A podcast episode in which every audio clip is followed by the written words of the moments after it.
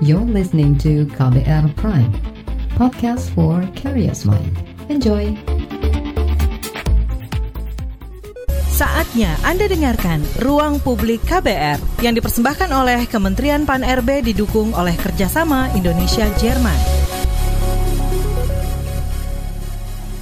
Selamat pagi para pendengar di mana pun Anda berada. Bagaimana kabar Anda? Tentunya selalu sehat dan bugar ya hari ini. Senang sekali saya Suara Madina kembali hadir menjumpai Anda pagi ini di ruang publik KBR yang dipersembahkan oleh Kementerian Pan-RB didukung oleh kerjasama Indonesia-Jerman. Dan selama satu jam ke depan hingga pukul 10 waktu Indonesia Barat nanti kita akan membahas tema pagi hari ini yang cukup menarik yaitu pelayanan publik dan peran swasta saat COVID-19. Saudara, memberikan pelayanan yang prima merupakan bentuk nyata dari kinerja dan tanggung jawab yang wajib dipenuhi oleh pemerintah kepada masyarakat. Nah, persoalannya nih di masa pembatasan sosial berskala besar atau PSBB yang diberlakukan oleh pemerintah sejak beberapa waktu lalu telah memberikan dampak pada kinerja pelayanan publik. Memang hal ini tentu disebabkan adanya beberapa perubahan prosedur pelayanan yang disesuaikan dengan protokol kesehatan demi memutus rantai penyebaran COVID-19.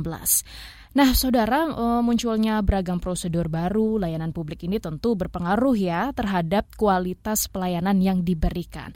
Lantas seperti apa nih kira-kira upaya yang dilakukan oleh pemerintah dalam menghadapi berbagai permasalahan ini dan bagaimana juga pihak swasta dapat berperan dan membantu pemerintah dalam menghadapi segala tantangan di masa pandemi ini. Baik, langsung saja kita akan sapa sudah ada Bapak Danang Girindra Wardana selaku Direktur Eksekutif Apindo sekaligus mantan Ketua Ombudsman Republik Indonesia dari Asosiasi Pengusaha Indonesia. Selamat pagi Pak Danang. Selamat pagi Bu Dina. Oke, dan selanjutnya juga sudah bergabung bersama kami Ibu Diah Natalisa selaku Deputi Bidang Pelayanan Publik Kementerian Pan RB Republik Indonesia. Selamat pagi Ibu Diah. Assalamualaikum. Waalaikumsalam, selamat pagi Mbak Dina, selamat pagi Pak Danang, selamat pagi. Selamat pagi Ibu Dina. Oke. Okay. Sehat semua ya Bapak Ibu. Alhamdulillah sehat semua, selalu sehat dan tetap lakukan protokol kesehatan. Itu yang paling terpenting. Dan Bapak dan Ibu terima kasih sudah bergabung bersama kami di ruang publik KBR pagi ini. Dan tentunya saya ingin ke Ibu Diah terlebih dahulu. Ibu Diah, di masa pandemi tentu ini menda, uh, membawa berbagai dampak ya Bu ya di berbagai sektor juga tidak terkecuali pelayanan publik yang tentunya dihadirkan oleh Kemenpan RB. Secara umum seperti apa Bu dampak yang ada saat ini terkait dengan pelayanan publik? Terima kasih Mbak Nina. Jadi uh, Kemenpan RB ini adalah uh, instansi sebagai pembina pelayanan publik nasional. Sedangkan yang memberikan layanan tentunya adalah uh, penyelenggara pelayanan publik itu sendiri dalam hal ini baik dari kementerian, eh, lembaga maupun pemerintah daerah, eh, BUMN, BUMD dan bahkan swasta yang terkait sesuai dengan amanat Undang-Undang Pelayanan Publik. Tentu saja dengan kondisi pandemi yang kita rasakan cukup signifikan dampaknya, tapi hmm. akan sangat beragam tergantung pada saat kapan dan juga zonasi daripada daerah yang terpapar oleh pandemi COVID itu sendiri. Tentu yang pertama kali saya ingat sekitar bulan Maret April uh, cukup banyak keluhan masyarakat yang disampaikan melalui uh, kami melalui aplikasi lapor. Tapi intinya adalah kondisi ini kondisi pandemi menyebabkan akses publik menjadi terbatas. Nah, akses publik ini berkaitan juga kebijakan uh, apakah itu dengan adanya SE Menpan nomor 58 tahun 2020 berkenaan dengan uh, adanya fleksibilitas di, di dalam pemberian pelayanan khususnya untuk ASN sehingga uh, ada yang WFO, ada juga yang WFH. Hal ini juga menyebabkan uh, khususnya untuk daerah-daerah yang terkena dampak secara signifikan akses uh, publik terhadap pelayan publik itu menjadi terbatas ya. Jadi di satu sisi adanya juga pengurangan dari sisi eh, SDM-nya sendiri atau juga dari masyarakat yang memang khawatir ya kalau mereka uh, mendatangi apa namanya area-area publik ya untuk mendapatkan pelayanan.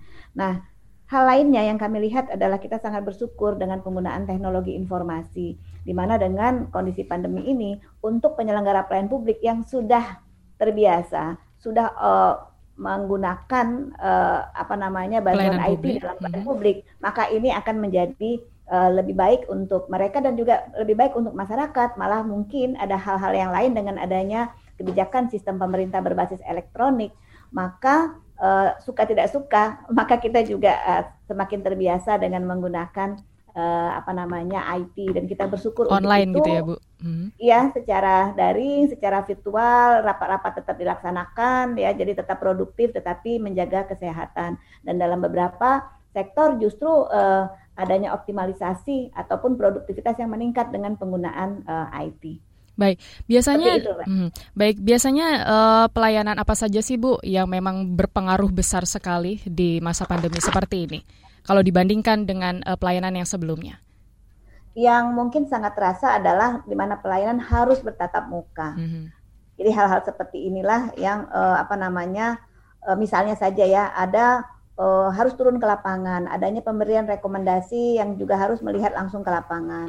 Tetapi kalau yang secara administrasi dan sudah uh, apa namanya menggunakan uh, tidak ter, tidak harus ke lapangan hanya administrasi pada saat prosedur ataupun persyaratan terpenuhi dan juga sistem IT memungkinkan uh, masyarakat untuk uh, dapat menginput data dengan sistem yang ada. Malah dalam beberapa uh, sektor uh, masyarakat tidak perlu datang. Mereka cukup dengan menyampaikan mengupload persyaratan-persyaratan uh, maka dengan penggunaan digital signature itu langsung bisa disetujui ya.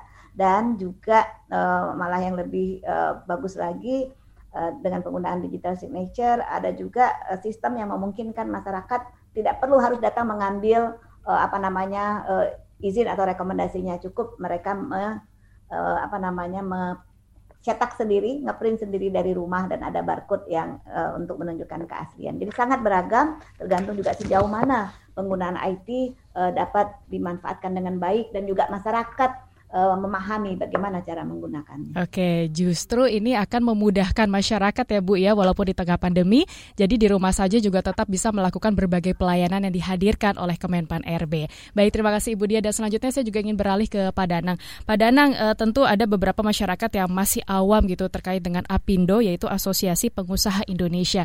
Bisa dijelaskan terlebih dahulu, Pak Danang, seperti apa APindo yang dihadirkan? Ya, Mbak Dina, APindo itu kan sebuah asosiasi ya, asosiasi yang terdiri dari para pengusaha. Maka yang ada di sana ya pengusaha uh, representasi dari pengusaha relatif besar Apindo itu dengan anggota kurang lebih sekitar 15.000 perusahaan di seluruh Indonesia ya cukup besar. Kita adalah pengusaha yang merepresentasikan dari berbagai level dan berbagai sektor. Level usaha besar multi nasional, perusahaan internasional, dan perusahaan nasional, dan pelaku-pelaku di skala UKM. Memang yang UKM sedikit lebih, eh, jumlahnya lebih sedikit gitu, karena menjadi bagian dari binaan Apindo. Kalau secara internasional, ada Apindo di semua negara. Jadi kurang lebih mirip-mirip seperti Kadin, tapi Kadin kan dibentuk berdasarkan undang-undang. Kalau Apindo dibentuk berdasarkan voluntary action. Jadi orang-orang bergabung dengan Apindo karena ada kepentingan kebersamaannya di situ. Jadi tidak perintah undang-undang. Dan di dunia Apindo dengan nama yang berbeda-beda, ada asosiasi pengusaha Thailand, asosiasi pengusaha US, semua ada di hampir semua negara memiliki Apindo dengan corak nama yang berbeda-beda. Baik, apa yang dihadirkan seperti program atau uh, mungkin eh, hal-hal uh, unggulan yang saat ini dihadirkan di Apindo, Pak Danang? Kebanyakan menghandle masalah ketenaga kerjaan. Di, jadi menciptakan iklim investasi yang kondusif dan uh, berkembang secara progresif gitu ya. Tujuan atau misi Apindo itu. Uh, kebanyakan berkutat di masalah uh, ketenaga kerjaan, bagaimana mengedukasi employee, bagaimana kita mengembangkan uh, apa, kinerja dan kemudian menyelesaikan permasalahan-permasalahan dari ketata um, uh, apa, penataan ketenaga kerjaan sesuai dengan undang-undang. Terus kemudian yang kedua kita juga melakukan progres-progres tentang advokasi kebijakan publik. Yang ketiga kita juga menjadi business matchmaker antara investasi luar negeri dan di Indonesia. Konteksnya seputar dunia usaha, tetapi tujuannya adalah satu, bagaimana menciptakan iklim investasi di Indonesia itu menjadi sesuatu yang menarik, yang semakin bagus, semakin meningkatkan uh, ekonomi Indonesia, meningkatkan serapan ketenagakerjaan yang ada, dan kemudian menciptakan image baik di dunia internasional bahwa investasi di Indonesia itu aman, kondusif, dan uh, apa menguntungkan. Itu target-target besar kita. Nah, ini kalau di tengah pandemi tentu banyak sekali uh, hambatan dan tantangan besar nih, apalagi pengusaha juga di masa PSBB jilid pertama, terus juga sekarang di jilid kedua. Nah, ini apa yang menjadi tantangan besar nih para pengusaha di dunia, uh, di antar dunia gitu Pak, usaha dunia maksudnya? Ya, pandemi ini kan bukan terjadi di Indonesia saja. Kalangan dunia usaha memahami hal itu uh, terjadi di hampir seluruh negara di dunia dan tantangan yang kita hadapi saat ini sebenarnya bukan pandemi itu sendiri, bukan eh, penyebar penyebaran penyakit yang mulai sangat lebih cepat dengan deret ukur yang luar biasa. Tetapi justru adalah bagaimana kita merespon itu. Karena pandemi ini entah 100 tahun yang lalu sudah pernah terjadi dan akan terjadi lagi nanti entah berapa puluh tahun ke depan akan terjadi. Satu siklus yang wajar aja. Tapi yang menjadi menarik adalah bagaimana kita menyikapi itu jadi ada banyak harapan dari dunia usaha yang menantang ke pemerintah nih, menantang ke Ibu Deputi Pelayanan Publik di depan ini. Sekaligus ada pertanyaan nih ke Ibu Dia? Oh enggak. iya benar-benar karena hmm. uh, dunia usaha itu tumbuh uh, 50 persennya dari kebijakan pemerintah. Ya, dan mengapa dari kebijakan pemerintah? Karena uh, semua perizinan dari dunia usaha itu bisa bisa membuat dunia usaha itu hidup atau mati. Yang kedua juga eh, bagaimana pemerintah bisa mengatur antara kewenangan pusat dan daerah. Sering sekali kita hadapin ya, pusat ini sudah bagus banget penataannya, regulasi-regulasinya udah bagus, keren. Tapi begitu diimplementasikan di tingkat Pemda jadi ya tidak keren lagi. Gitu.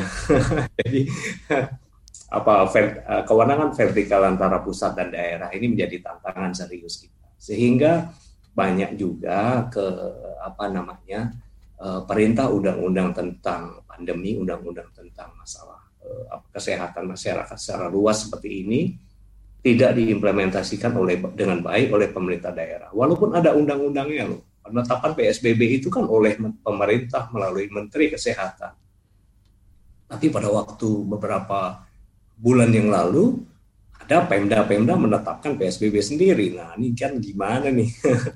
Sementara dengan penetapan PSBB, dunia usaha jelas langsung drop gitu karena sirkulasi manusia pertumbuh mengakibatkan uh, semakin menurun, uh, orang-orang tidak banyak jalan ke mall, tidak bepergian, tidak rapat, maka kemudian yang terjadi adalah uh, ekonomi turun, penjualan okay. turun, produksi turun. Nah, inilah pentingnya tantangan-tantangan seperti ini perlu disikapi oleh pemerintah pusat. Oke, okay. hmm. baik. Ternyata tantangan itu juga banyak sekali dihadapi uh, tidak hanya di Jakarta misalnya seperti itu, tapi juga di daerah-daerah juga ya Pak ya, berbagai pengusaha Betul. yang ada. Nah, lalu Bu Dia, saya ingin ke Bu Dia juga sebelum kita break sebentar lagi, boleh ditanggapi tadi sedikit ada pembahasan dari Pak Danang gitu. Misalnya contoh seperti ada perizinan, terus juga regulasi yang nampaknya berbeda gitu. Seperti apa Bu Dia tanggapannya?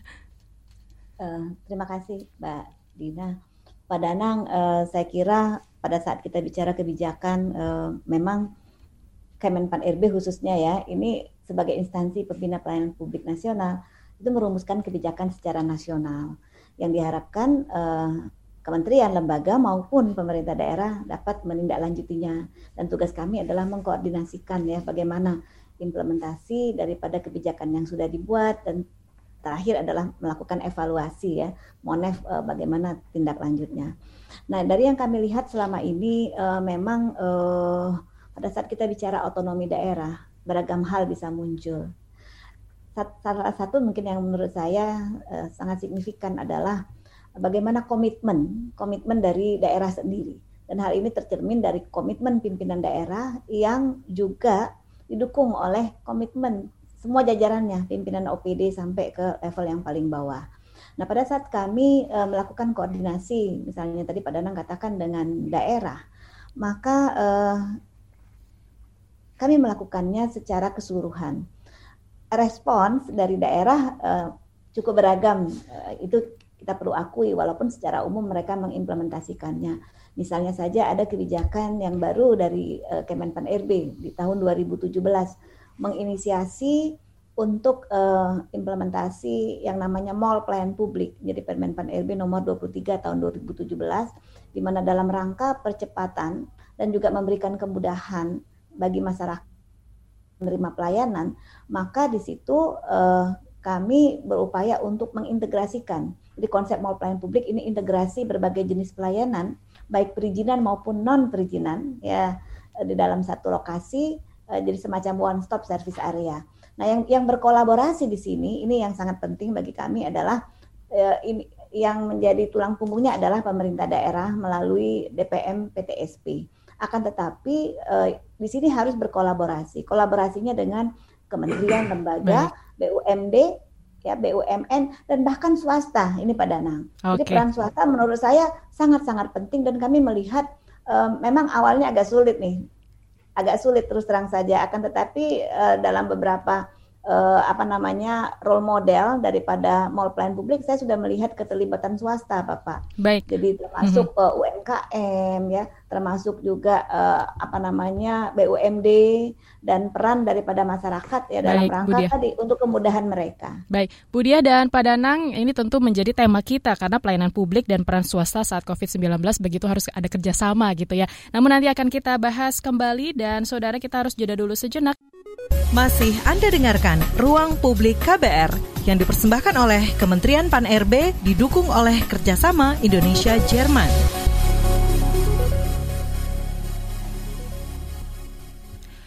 Terima kasih Anda masih setia bersama kami di Ruang Publik KBR yang dipersembahkan oleh Kementerian Pan-RB didukung oleh kerjasama Indonesia-Jerman. Dan bagi Anda baru saja bergabung, tema kita masih membahas terkait dengan pelayanan publik dan peran swasta saat COVID-19. Baik, saya masih bersama dengan Ibu Diah Natalisa, Deputi Bidang Pelayanan Publik Kemenpan RB, dan juga Bapak Danang, Direktur Eksekutif Apindo. Eh, sebelumnya ini sudah ada pertanyaan via live chat YouTube dari Hana Murni. Baru saja kemarin saya hendak mengecek KK lewat website Dukcapil Kemen dukcapil.kemendagri, tapi tidak bisa di webnya. Malah menurut saya, web tersebut mengecewakan seperti tidak diurus. Bagaimana dengan pelayanan publik Dukcapil? Nah, sebelumnya Bu Diah, apakah memang e, dari berbagai kementerian juga dalam satu koordinasi Bu di Kemendagri juga untuk pelayanan publiknya? Silahkan ditanggapi Bu Diah. Iya, uh, saya kira koordinasi yang kami lakukan selama ini uh, tentu uh, sangat erat ya dengan Kemendagri. Kami selalu berupaya untuk terus mendorong perbaikan khususnya untuk layanan di Dukcapil karena ini saking pentingnya maka ini menjadi salah satu layanan dasar publik yang kami evaluasi secara rutin. Jadi ada evaluasi tahunan walaupun juga Eh, tidak harus tahunan juga ya, tapi secara tahunan itu ada namanya indeks pelayanan publik hmm. yang kami membantu untuk evaluasi bagaimana layanan dasar publik. Hal ini sangat penting karena menurut kami layanan uh, kependudukan di Kemdagri ini tentu akan memberikan efek multiplier kepada berbagai hal. Nah, khusus untuk layanan Dukcapil sebenarnya, uh, jadi saya mohon maaf pada saat tadi ada info yang berkaitan dengan website yang mungkin sedang ada trouble gitu ya tentu nanti kita akan berkoordinasi dengan Kemdagri. Yang penting adalah kapan kejadiannya uh, sehingga kami juga uh, mungkin saja pada saat itu terjadi trouble. Sepengetahuan kami uh, Dukcapil termasuk salah satu uh, uh, apa ya layanan yang sangat, yang prima hmm. melakukan kita belum mengatakan layanan prima okay. Mbak Dina karena ada ada indikator yang sangat jelas yang berkaitan dengan pelayanan prima. Hmm. Nah ini yang sangat penting adalah uh, sejauh mana kami selama ini terus uh, mendorong penggunaan teknologi informasi, penggunaan IT. Sepengetahuan kami, eh, Dukcapil termasuk salah satu eh, layanan yang sangat apa ada perubahan yang sangat signifikan dalam beberapa eh, kompetisi inovasi selalu ada perubahan-perubahan termasuk juga beberapa unit itu eh, di daerah juga membuat berbagai jenis terobosan termasuk kemarin yang masuk top 45 kompetisi inovasi pelayanan publik itu juga saya kira lebih dari lima uh, unit di daerah yang masuk berhasil masuk ke top 99. Ada Baik. jam kunci, mereka juga melakukan layanan keliling jadi perpaduan antara online dan offline. Nah, termasuk saat tadi satu inovasi yang menurut saya juga sangat bagus dilakukan oleh Kemdagri uh, tahun ini yaitu mereka uh, menggunakan apa yang disebut dengan uh, ADM jadi anjungan dukcapil mandiri. Baik. Jadi sama seperti ATM, uh, mereka uh, menggunakan sistem itu dan dalam waktu yang tidak yang sangat singkat ya hitungan uh, menit ataupun detik malah uh, semacam iktp termasuk juga penggunaan apa namanya uh, print daripada uh, KIA ya Baik. dan juga AK. Hmm. Ibu dia dan malah mereka juga bisa ngeprint sendiri di rumah. Tapi oh, saya akan catat itu okay. kami akan koordinasikan dengan uh, Dirjen Dukcapil. Iya, sebelum kita membahas lebih rinci lagi terkait dengan inovasi dan terobosan apa nih yang tentu uh, penasaran nih oleh masyarakat ya Ibu dia. Namun kita terima telepon terlebih dahulu sudah ada Ibu Suci di Jakarta. Halo, selamat pagi Ibu Suci. Iya, halo. Iya, silahkan. Ada pertanyaan apa Ibu? Pertanyaannya uh, kenapa sih pelayanan yang diberikan kepada publik tuh uh, sebelum pandemi terkesan lambat kayak contohnya pengurusan iktp atau dokumen lainnya gitu agak lama. Nah, apakah selama pandemi ini ada pelayanan yang berubah atau seperti apa? Baik, terima kasih Ibu Suci itu saja. Iya, sudah itu aja. Baik, terima kasih sudah bergabung bersama kami Ibu Suci dari Jakarta. Ibu Dia, boleh ditanggapi sedikit sekaligus inovasi apa nih? Tentu dari berbagai permasalahan kan ada juga evaluasi yang dilakukan dari Kemenpan RB. Apa saja Ibu silahkan. Ya, kalau untuk uh, apa namanya uh, selama pandemi ini memang kami mencoba ya uh, untuk mendorong dan juga kompilasi berbagai jenis terobosan yang dilakukan uh, banyak pihak ya dalam uh, penanganan COVID karena menurut kami yang namanya penanganan COVID ini tidak bisa dilakukan secara sendiri-sendiri. Diperlukan kerjasama kolaborasi banyak pihak dalam rangka merespon. Dan saya lihat respon daripada banyak pihak ini sangatlah banyak. Sehingga kami uh, bekerja sama juga dengan GIZ Transformasi uh, menginisiasi untuk memberikan apresiasi terhadap berbagai jenis uh, inovasi semasa COVID ini. Dan kami bersyukur uh, termasuk Pak Danang yang juga ikut membantu bersama-sama dengan Pak Bambang dan Bu Ratri menjadi uh, tim jurinya. Jadi uh, sebagai informasi Mbak Dina, ya. Bapak Ibu sekalian, hmm. para pendengar, maka kami mencoba untuk menghimpun inovasi ini uh, dengan dua cara, yaitu dengan melakukan pencarian inovasi melalui media sosial dan juga melakukan pengumuman kepada instansi pemerintah, perguruan tinggi, swasta dan masyarakat sipil untuk mengikuti uh, mendaftarkan inovasi. Dan alhamdulillah uh, dengan bantuan GIZ dan juga kolaborasi kami uh, dengan para tim juri yang memang mereka orang yang memiliki kompetensi yang mumpuni, maka kami melakukan membagi untuk inovasi pelayan publik semasa COVID ini dalam tiga kategori, yaitu kategori respon cepat tanggap atau quick win, kategori pengetahuan publik atau public knowledge, dan juga kategori uh, ketangguhan massal. Nah, dalam hal ini kita bersyukur uh, kami berhasil menghimpun di akhir Juni itu sekitar 1.204 inovasi dan kami bagi menjadi tujuh klaster inovasi yaitu pertama uh, klaster kementerian lembaga ada sebanyak 141 inovasi pemerintah provinsi 168 inovasi, pemerintah kabupaten 403 inovasi, pemerintah kota 200 ya. Perguruan tinggi juga kami jadikan klaster tersendiri uh, sebanyak 98 inovasi dan perusahaan swasta. Terima kasih saya kira uh, juga ikut bergerak. Ada lebih kurang 50 inovasi yang menurut kami sangat baik dan juga masyarakat sipil. Ternyata masyarakat sipil juga turut bergerak ya. Nah, oleh karena itulah Eh, berbagai inovasi ini sudah juga kami dilakukan penilaian oleh tim juri dan juga kami sudah sampaikan hasilnya. Uh, kalau secara detail mungkin nanti uh, ada waktu tersendiri Mbak Dina. Baik. Akan tetapi kami merasa sangat bangga. Ternyata tidak hanya diserahkan kepada pemerintah sendiri. Mungkin Pak Danang nanti bisa menjelaskan karena beliau. Karena Pak Danang juga juri ya. salah satu salah okay. satu dewan juri. Terima kasih Baik. Pak Danang. Baik. Jadi banyak sekali inovasi yang banyak sebenarnya sekali. dilakukan oleh masyarakat. Aha. Nanti kita akan bercerita lagi terkait dengan inovasi. Namun sebelumnya kita terima telepon kembali Ibu Dia dan Pak Danang. Ini sudah ada Pak Helon di Waingapu. Selamat pagi, Pak Helon. Selamat pagi, Mbak ya. Eka. Singkat saja, Pak Helon, karena kita ya. mau jeda. Silahkan. Iya. Uh, pelayanan publik di masa pandemi ini pasti ada kendalanya. Ya. Nah, seperti apa harapan Ibu di dalam uh, menimim, apa memperkecil kendala-kendala yang ada sehingga tidak terjadi kesenjangan pelayanan publik khususnya di Dukcapil ini. Terima kasih Ibu. Baik, terima kasih sudah bergabung bersama kami, Pak Helon. Nah, ini pertanyaan yang memang tentu menjadi pertanyaan kita semua. Namun ditanggapi usai jeda, usai jeda, Budia dan juga Pak Danang, kita harus jeda dulu sejenak. Saudara, Ruang Publik KBR masih akan berlanjut. Masih Anda dengarkan Ruang Publik KBR yang dipersembahkan oleh Kementerian PAN-RB didukung oleh kerjasama Indonesia-Jerman.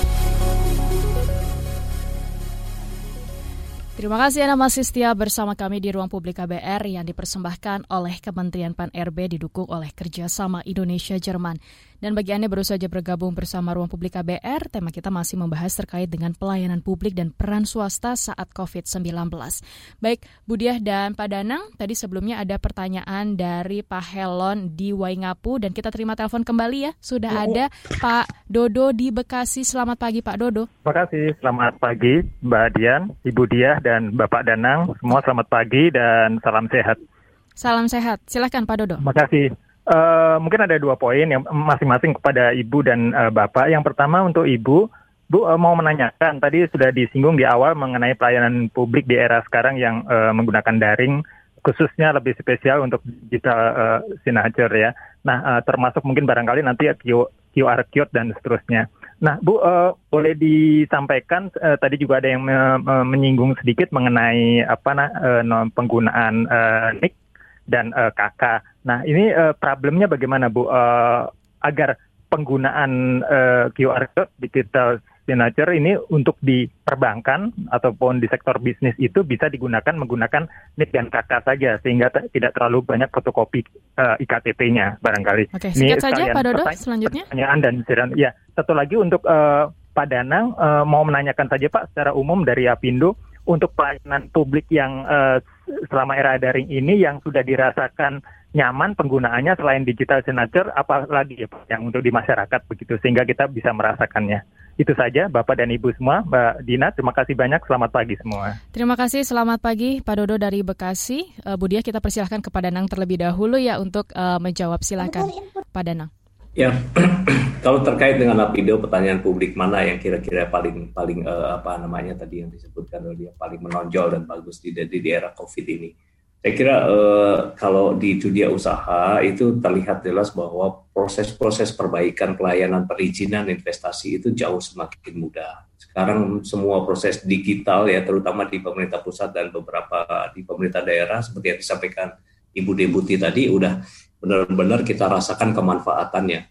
Kita untuk membuat sebuah perusahaan sekarang bisa kurang dari satu minggu, bahkan bisa dihitung dua hari pun udah jadi untuk membuat sebuah korporasi ya dengan sistem OSS dan kita mendapatkan NIB nomor hidup berusaha dan itu semua dilakukan secara online, mas. Dan eh, pelayanan terpadu satu pintu yang ada di berbagai pemerintah kota, kabupaten, dan provinsi yang terutama di provinsi-provinsi yang besar itu bisa dilakukan secara uh, online, tidak perlu lagi kita tetap muka. Ini jauh dipersiapkan sebelum COVID. Jadi kita harus berikan apresiasi kepada uh, Deputi Pelayanan Publik Kementerian PAN ini yang terus-menerus sebagai instansi pembina menggelontorkan kegiatan atau mendorong kegiatan-kegiatan secara online, proses-proses perizinan secara online. Tidak ada kaitannya dengan COVID, tetapi sekarang dengan era COVID ini uh, kemanfaatan bagi publik itu sangat terasa. Itu. Jadi kalau dulu kita masih numpuk dokumen bahwa perizinan bisa satu gepok ini. Belum ngantrinya lagi ya Pak ya?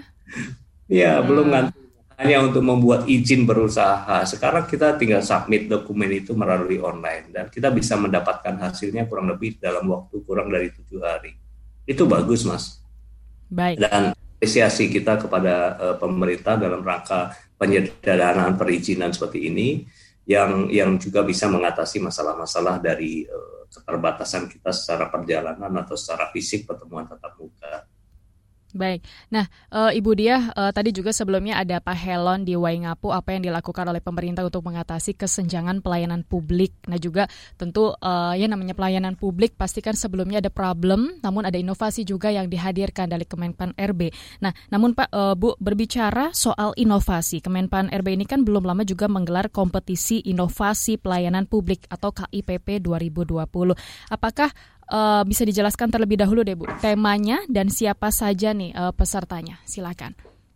Uh, terima kasih Mbak Dina. Saya kira uh, kalau bicara mengenai kompetisi inovasi pelayanan publik, ini agak berbeda dengan apresiasi yang kami juga lakukan terakhir adalah apresiasi uh, untuk inovasi penanganan COVID. Jadi ini adalah hmm. hal yang berbeda. Nah, kalau kompetisi inovasi pelayanan publik tahun 2020 ini sudah kami selenggarakan untuk yang ke tujuh kalinya dan alhamdulillah kita bersyukur sudah ditentukan baik top 99 maupun top 45-nya dari lebih hampir 3000 uh, eh, inovasi yang sudah didaftarkan semua secara online melalui Sinovic ya. Mm. Nah, uh, ini uh, tema kompetisi kita tahun ini adalah transfer uh, pengetahuan uh, untuk percepatan inovasi pelayanan publik dalam rangka mendukung terwujudnya tujuan pembangunan berkelanjutan dan Indonesia maju. Jadi kita sesuaikan juga dengan PBB.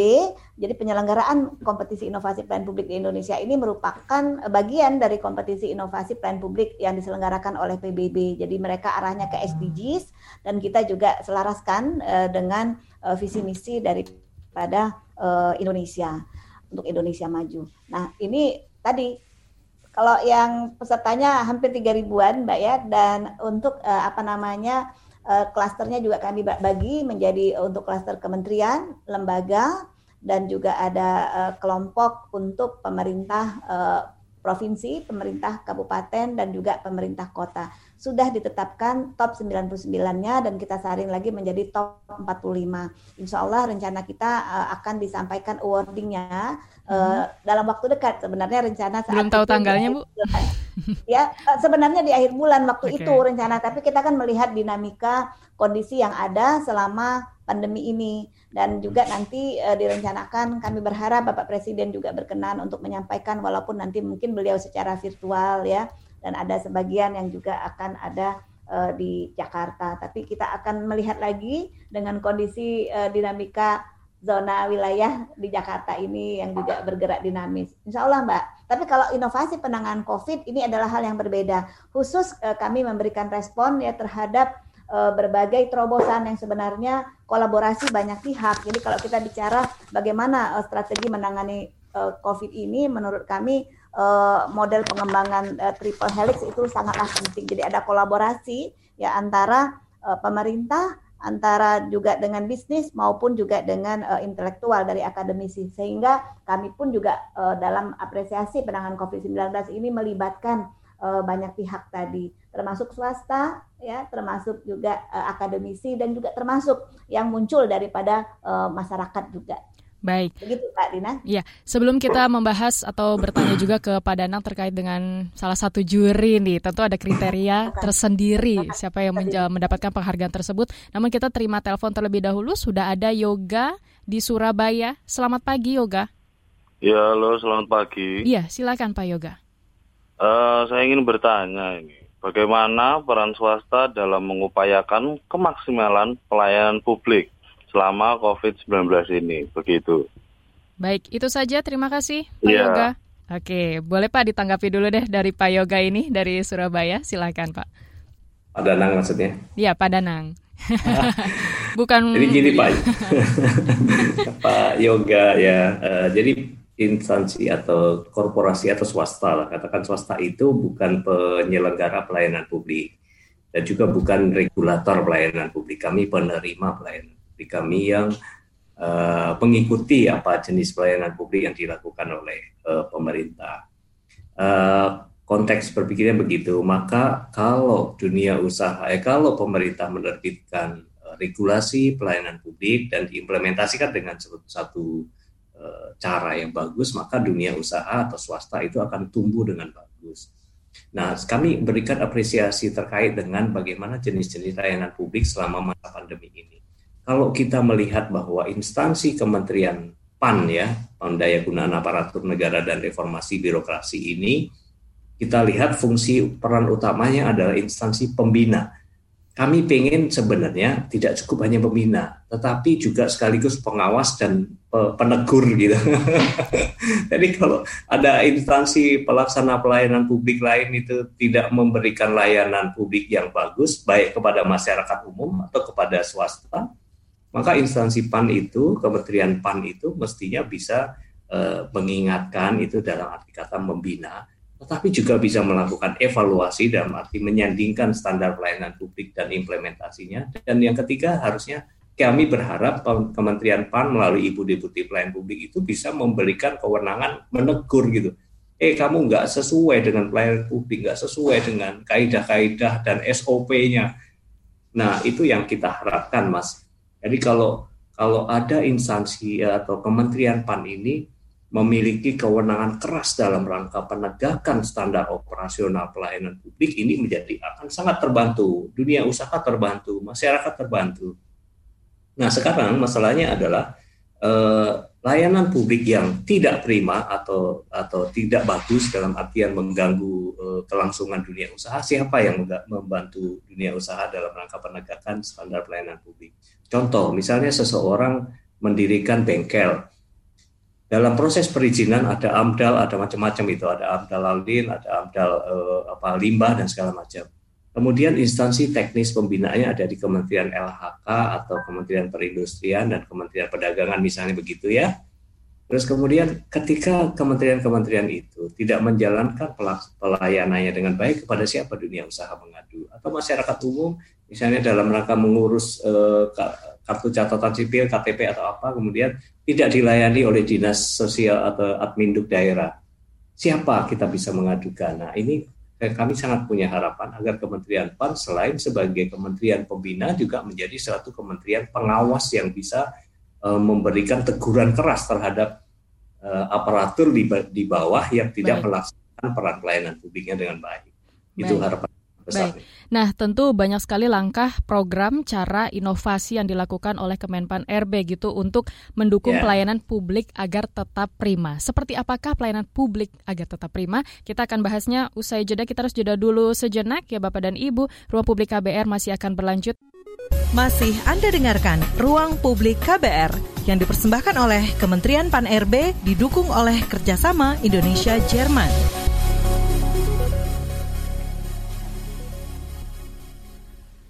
Anda kembali bersama kami di Ruang Publik KBR yang dipersembahkan oleh Kementerian Pan RB didukung oleh kerjasama Indonesia Jerman.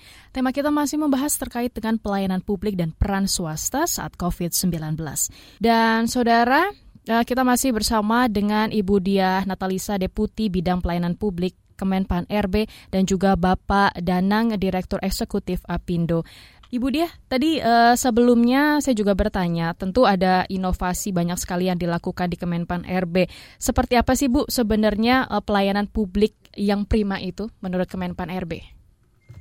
Ya, uh, Mbak Dina, mungkin saya perlu ralat sedikit ya. Mm -hmm. Inovasi Baik. itu uh, tidak dilakukan oleh Kemenpan RB. Kemenpan RB yang menginisiasi adanya gerakan One Agency One Innovation di hmm. tahun 2014 yang mewajibkan jadi sebagai instansi pembina pelayanan publik kami membuat kebijakan yang mewajibkan se semua penyelenggara pelayanan publik ya di instansi pemerintah untuk dapat menghasilkan minimum satu inovasi dalam setahun. Okay. Nah, itu kebijakan yang kami buat dan kita bersyukur uh, dalam apa ya uh, masyarakat uh, semua instansi antusias ya Bu ya antusias mm -hmm. dan kami dalam rangka merespon antusiasme uh, apa namanya penyelenggara pelayanan publik maka kami uh, menyelenggarakan kompetisi inovasi pelayanan publik dan ini adalah tahun yang ketujuh.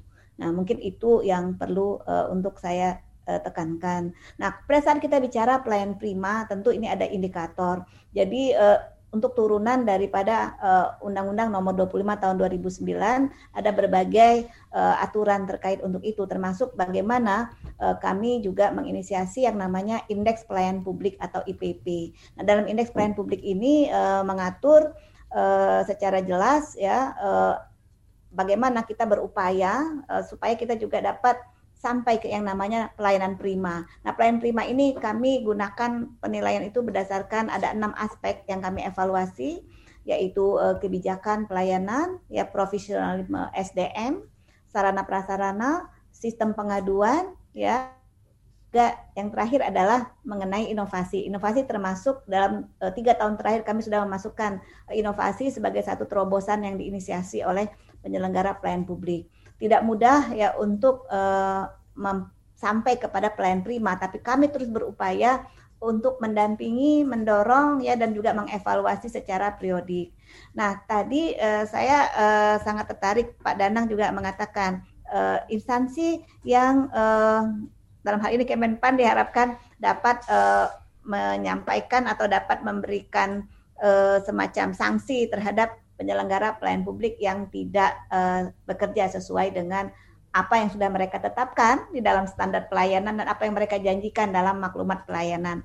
Pak Danang masih ingat di zamannya Pak Danang sebagai uh, ketua Ombudsman Republik Indonesia juga men sangat menekankan dan ini menjadi PR ya Pak ya sampai saat ini untuk apa namanya perpres ganti rugi.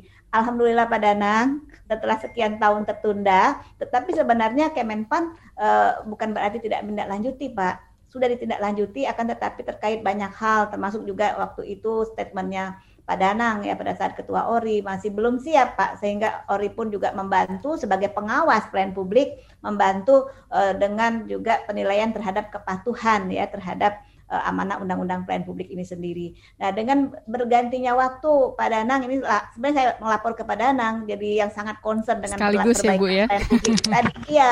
Sehingga Pak, ini sebagai info, jadi uh, beberapa waktu yang lalu uh, sudah ada kesepakatan gitu ya di dalam rapat kami dengan uh, yang diinisiasi oleh um, Sekap ya dalam hal ini ada rapat yang dihadiri oleh Kementerian Keuangan ya jadi sekretariat negara yang mengundang kami eh, Kementerian Keuangan, Kementerian Dalam Negeri, eh, BKN, Ombudsman Republik Indonesia dan juga Kemenpan RB sebagai pemerakasa.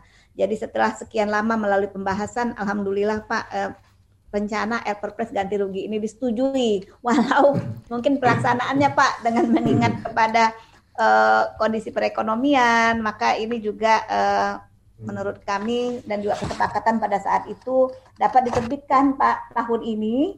Kesimpulannya Pak setelah sekian lama dan diberlakukan pada tanggal ini nih Pak. Bapak Ibu sekalian satu Januari satu Jadi sekaligus tidak hanya untuk Pak Danang yang tahu tapi masyarakat juga harus tahu ya Bu ya. Iya, iya. Kata perjuangan dan dikejar terus bersama Pak Danang ya. 1 Januari 2020 Luar biasa. akan datang Pak jadi dalam hal ini pertimbangannya adalah termasuk uh, kondisi wabah COVID ya hmm. dan juga memberikan waktu kepada pemerintah dan penyelenggara untuk siap menghadapi tuntutan ganti rugi. Tetapi memang ini ada uh, ada kesepakatan pada saat itu tidak mungkin tidak kita lakukan sekaligus terhadap semua penyelenggara pelayanan publik, maka peran daripada banyak pihak bukan hanya peran Kemenpan dalam hal ini untuk melakukan pendampingan ya agar dapat e, memperbaiki pelayanan publik semua penyelenggara ya akan tetapi juga peran ombudsman yang, yang sangat membantu untuk melakukan pengawasan dan memberikan sanksi Baik. dan juga peran masyarakat, peran media, peran kita semua dan aplikasi lapor ini juga yang kami kelola saat ini layanan aspirasi dan pengaduan online rakyat di mana masyarakat bisa menyampaikan Baik. aspirasinya, bisa menyampaikan pengaduannya. Demikian Mbak Dina. Baik. Oke. Okay. Uh, eh, karena waktu kita juga sangat terbatas sebenarnya kalau membahas terkait dengan pelayanan publik peran swasta ini kayaknya nggak cukup sejam ya Bu Dia dan Pak Danang. Oke. Okay. Namun uh, sebenarnya tadi juga ada penelpon dari Wanda di Jambi yang bertanya apakah ke depannya Kemenpan RB akan terus menggunakan inovasi paperless seperti di masa pandemi ini. Nah, namun uh, nanti sekaligus harapan dari Kemenpan RB ya Bu Dia, kita tang, uh, kita ingin bertanya dulu ke Pak Danang. Pak Danang, uh, mungkin terakhir dari Pak Danang, apa yang menjadi concern dari Apindo saat ini dalam hal pelayanan publik di tengah pandemi? Silakan Pak. Ya, concern utama kita adalah kecepatan pelayanan dan akurasi pelayanan itu yang paling utama. Jadi kalau melihat dari uh, indeks uh, apa namanya uh, kemudahan berusaha di Indonesia itu Indonesia sudah uh, meningkat menjadi lebih baik lagi. Sekarang ada di uh, apa namanya di ranking 72 dunia. Ini udah bagus banget. Tetapi masalahnya indeks indeks kemudahan berusaha atau ease of doing business itu uh, ma uh, masih menyisakan beberapa permasalahan di wilayah-wilayah daerah-daerah tertentu yang sampai sekarang masih belum bisa uh, apa mengejar dari indeks itu. Jadi kita harus membuat indeks internasional Indonesia di mata internasional, tetapi juga harus melihat indeks di daerah di mata rata-rata uh, nasional. Baik. Ini yang kita harapkan bisa percepatan pelayanan lebih baik. Yang kedua mengenai akurasi, Mbak. Jadi maaf Pak Danang, singkat saja ya, waktu kita sangat terbatas. Siap. Silakan. Ya, aku, akurasi ini penting karena di situ terdapat uh, jiwa apa SDM aparatur kita dalam mengeksekusi kebijakan yang diterbitkan baik oleh instansi Kementerian Teknis ataupun oleh Kementerian PAN RB sebagai pembina pelayanan publik. Akurasi ini sangat tergantung pada bagaimana mereka menafsirkan regulasi-regulasi. Oke. Nah, harapan kita yang paling utama. Oke, nah silakan dari Ibu Dia, mungkin apa pesan yang ingin disampaikan untuk masyarakat terkait dengan pelayanan publik dan juga peran uh, swasta di kala tengah uh, pandemi ini? Singkat saja Bu Dia.